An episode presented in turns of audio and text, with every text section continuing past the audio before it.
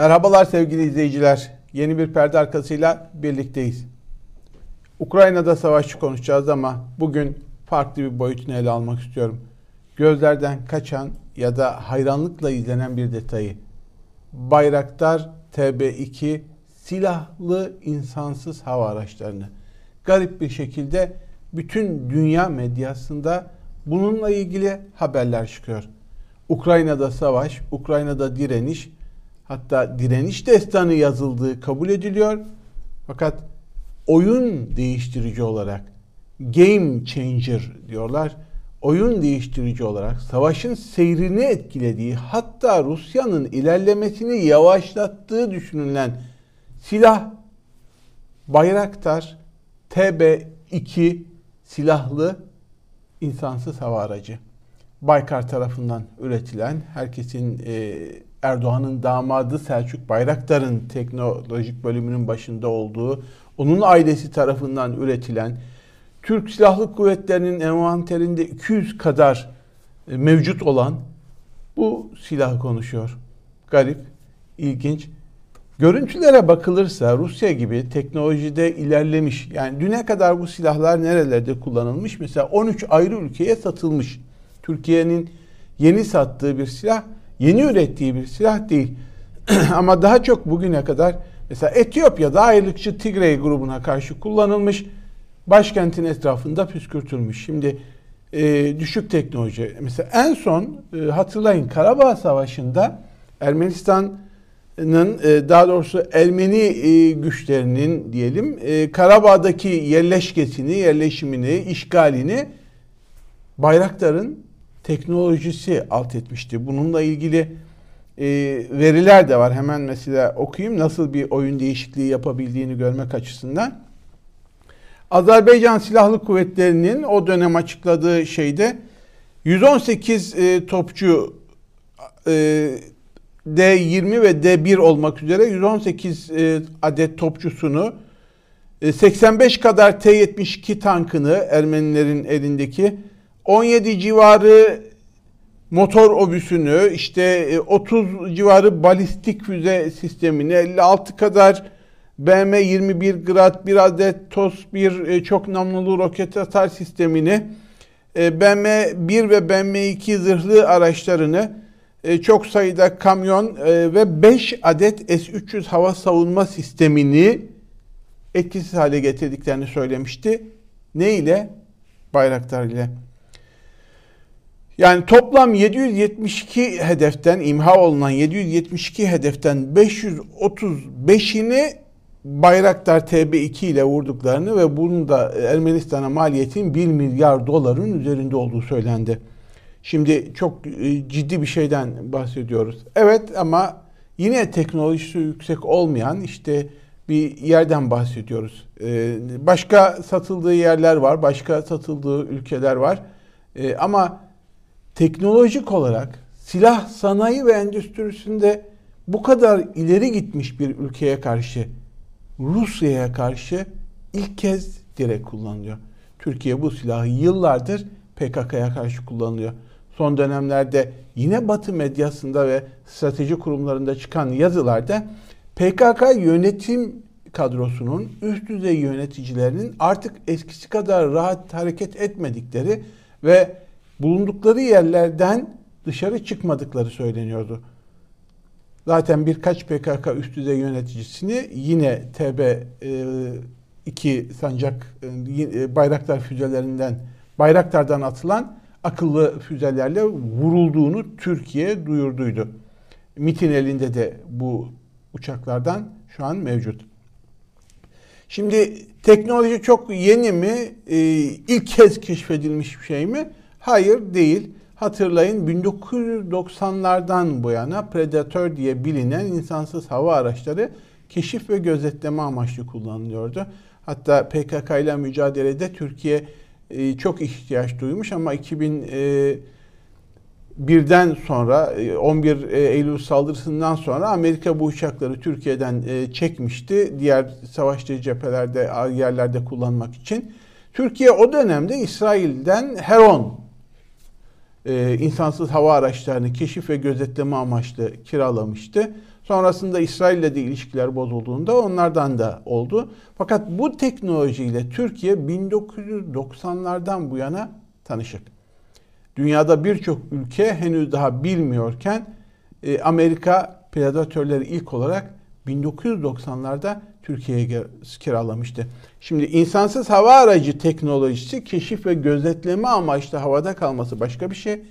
İnsansız hava araçlarından hem havada kalıp hem keşif ve gözetleme yapıp hem de taarruz yeteneği, saldırı yeteneği olan silah taşıyıp havada insansız bir araçtan yerdeki bir hedefi yok etmesini istemek başka bir şey. İşte Amerika'nın predatörleri var bu şekilde çok meşhur. İşte e, Afganistan'da çok sayıda kullanılan e, hatırlayın e, çok sayıda sivilin katlinin de aynı zamanda sorumlusu bu silahlar. Eğer e, yerleşim yerlerine yakın yaparsanız, atarsanız ya da işte e, siviller de o civarda varsa onlara da zarar verebiliyor.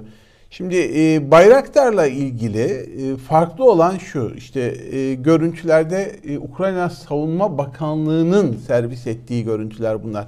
Ukrayna Savunma Bakanlığı etkin bir şekilde bu silahı kullandıklarını, sonuç aldıklarını söylüyorlar ve öne çıkarıyorlar.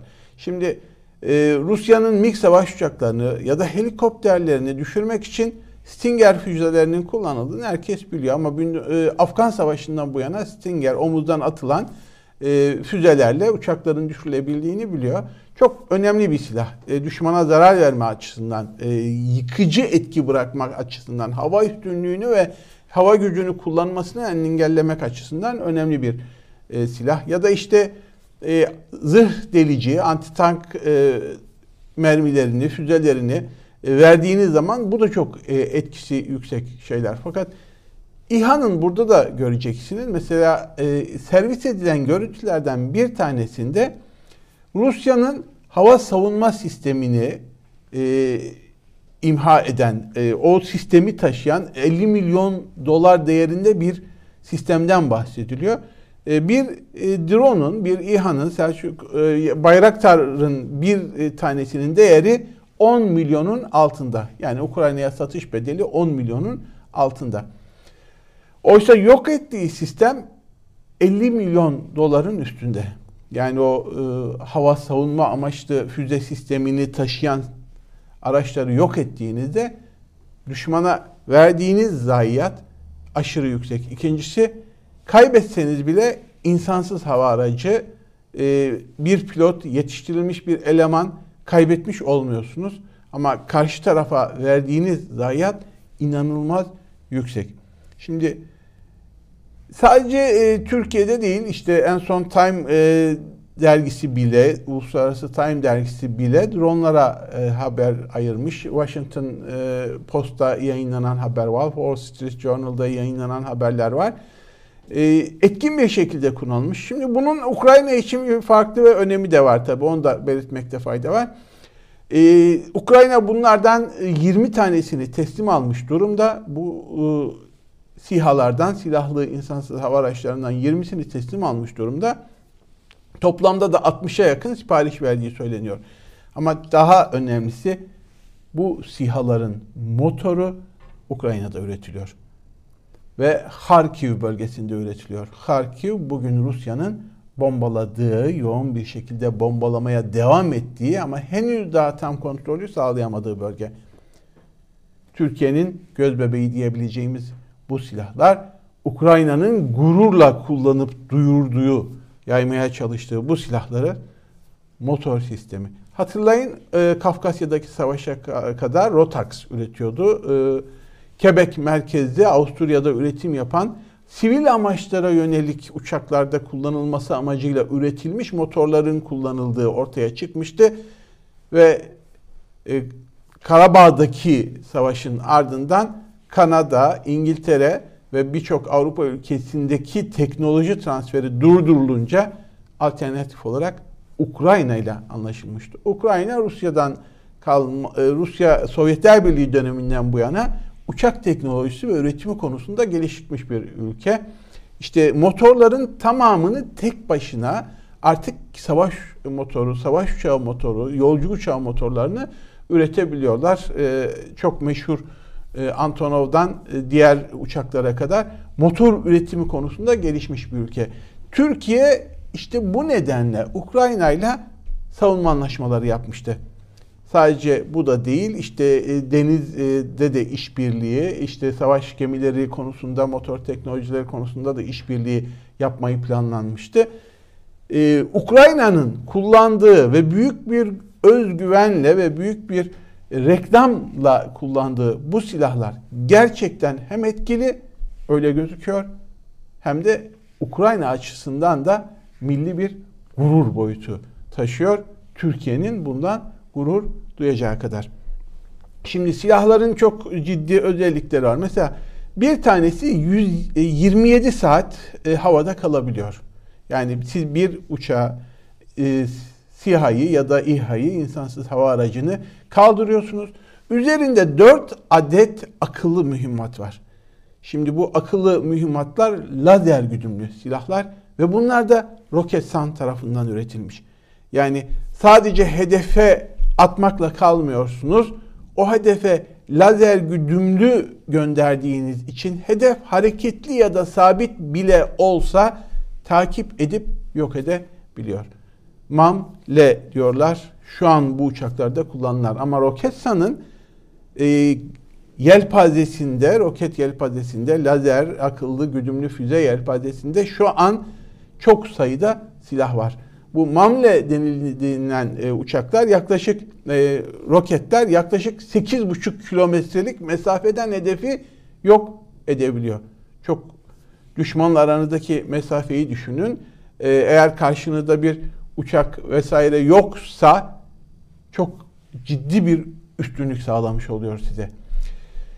TB2 sınıfı e, SİHA'lar bunlar. E, kullanılan karbon teknolojisi sayesinde e, çok fazla radara yakalanmıyorlar. Bu da ayrı bir avantaj ve Rusya'nın bütün elektronik gelişmişliğine rağmen hem Suriye'de hem Libya'da hem e, Karabağ'da ve şimdi Ukrayna'da bu sihaları kolay yok edememesinin temel sebeplerinden bir tanesi de bu. İkincisi radyo frekansı yerine mümkün olan yerlerde TürkSat uydusunun olduğu yerlerde uydu üzerinden haberleşme sağladı ve bu sayede de yer tespiti konusunda kolaylıkla e, elektronik savaş yöntemleriyle e, etkisiz hale getirilemediği söyleniyor.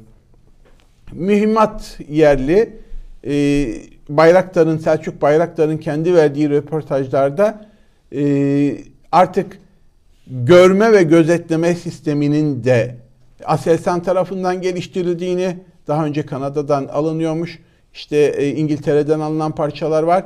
E, son 2-3 yılda bu oranın, e, yerlilik oranının motor hariç %93'e çıktığı söyleniyor.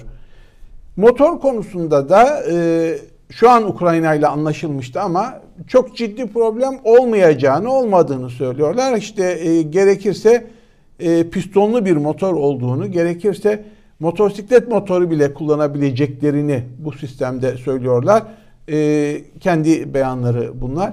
Ya da TUSAŞ'ın geliştirdiği ve şu an Bayraktar'ın diğer Akıncı e, İHA'larında denenen özellikle son iki gün önce duyurulan bir e, başka taarruz e, uçağın evinde insansız hava aracı var ki e, bundan çok çok daha üstün kapasitede. Yine Ukrayna'dan gelen motor ya da TUSAŞ'ın geliştirdiği motor kullanılacak. Bunda da kullanılabileceği e, çok ciddi sorun olmayacağı söyleniyor. Ama neticede ortada uzmanların game changer yani oyun değiştirici, savaşta sonuca etki edici bir silah tartışması var. SİHA'lar.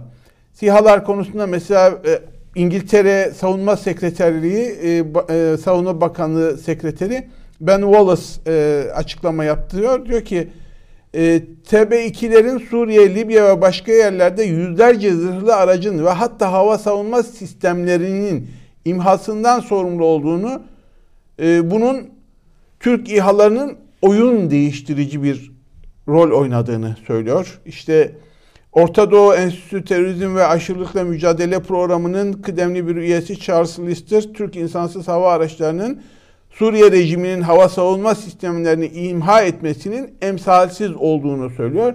Bahsedilen şey tabii tüm bu savunma sistemlerini kuran Rusya. Rus hava savunma sistemleri bunlar. Şu an Ukrayna'da da olduğu gibi.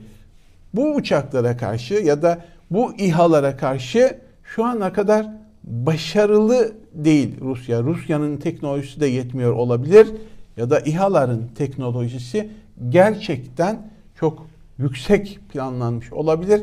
Henüz daha karşı konulamıyor olabilir. Şimdi bu silahlar şu ana kadar 13 ayrı ülkeye satılmış durumda. Sırada da onlarca ülke var. Bunlar arasında Ukrayna gibi Polonya'da var.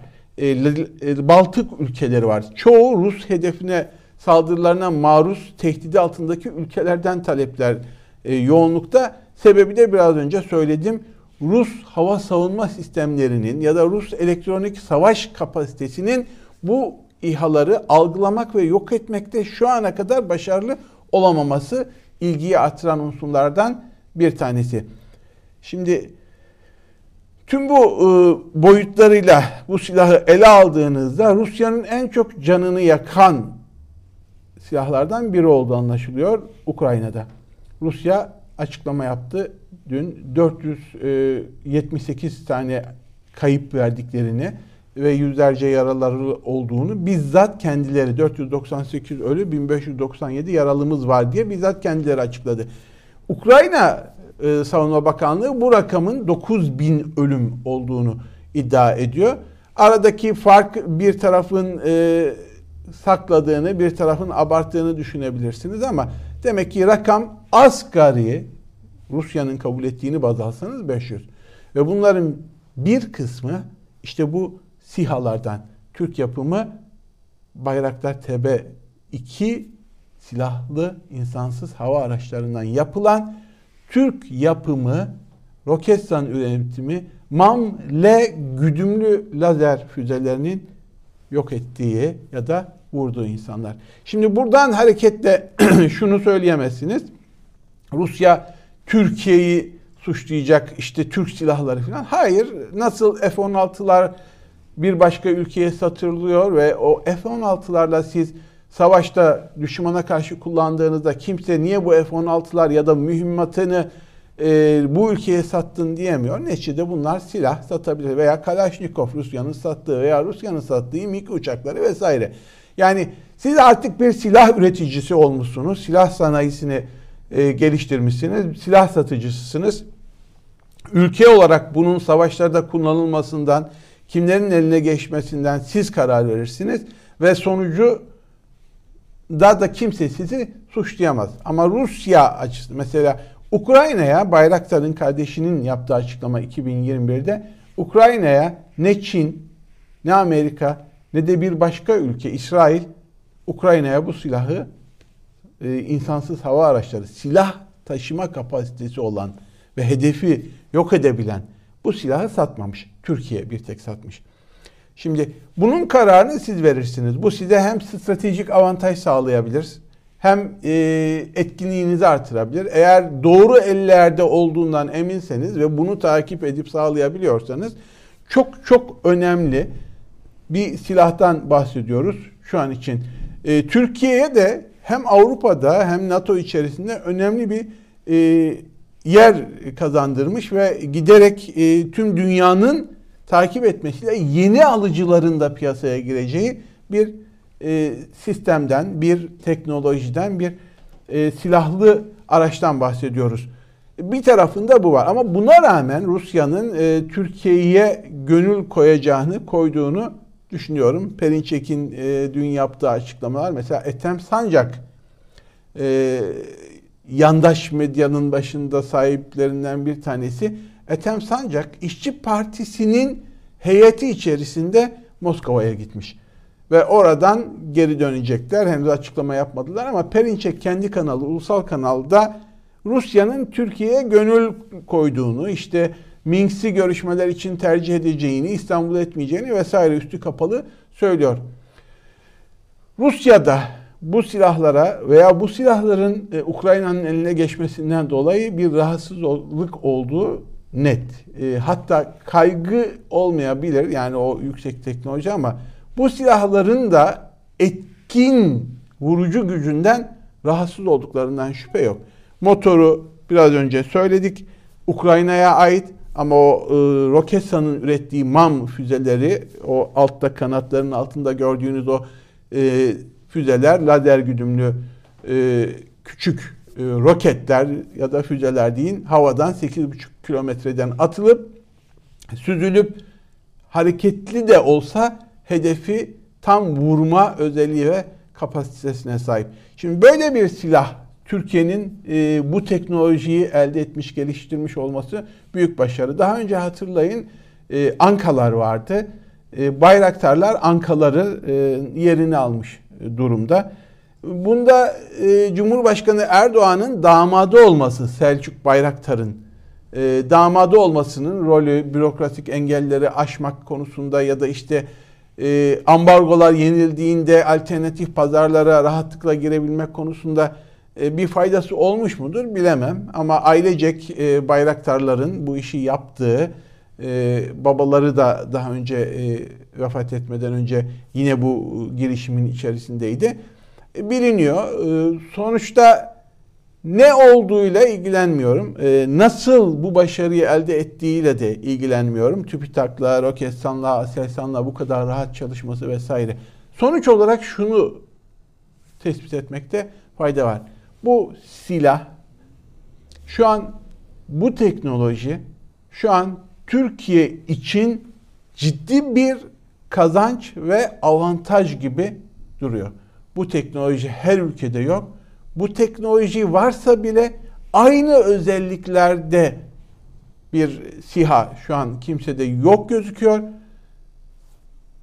Bu üstünlük tabii ki e, önemli ama bir taraftan da işte Rusya'ya karşı kullanıldığında ya da başka e, batılı ülkelere karşı kullanıldığında da Türkiye için baş ağrıtıcı özellikler taşıyacak, taşıtıracaktır.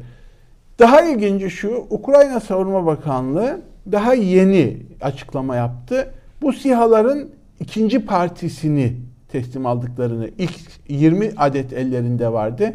İşte Rusya bunların 7 adetini e, yok ettiğini duyurmuştu. Başkaları da düşürüldü mü bilmiyorum ama e, baktığınızda yeni bir e, kafilenin daha sevk edildiğini iddia etti e, Ukrayna.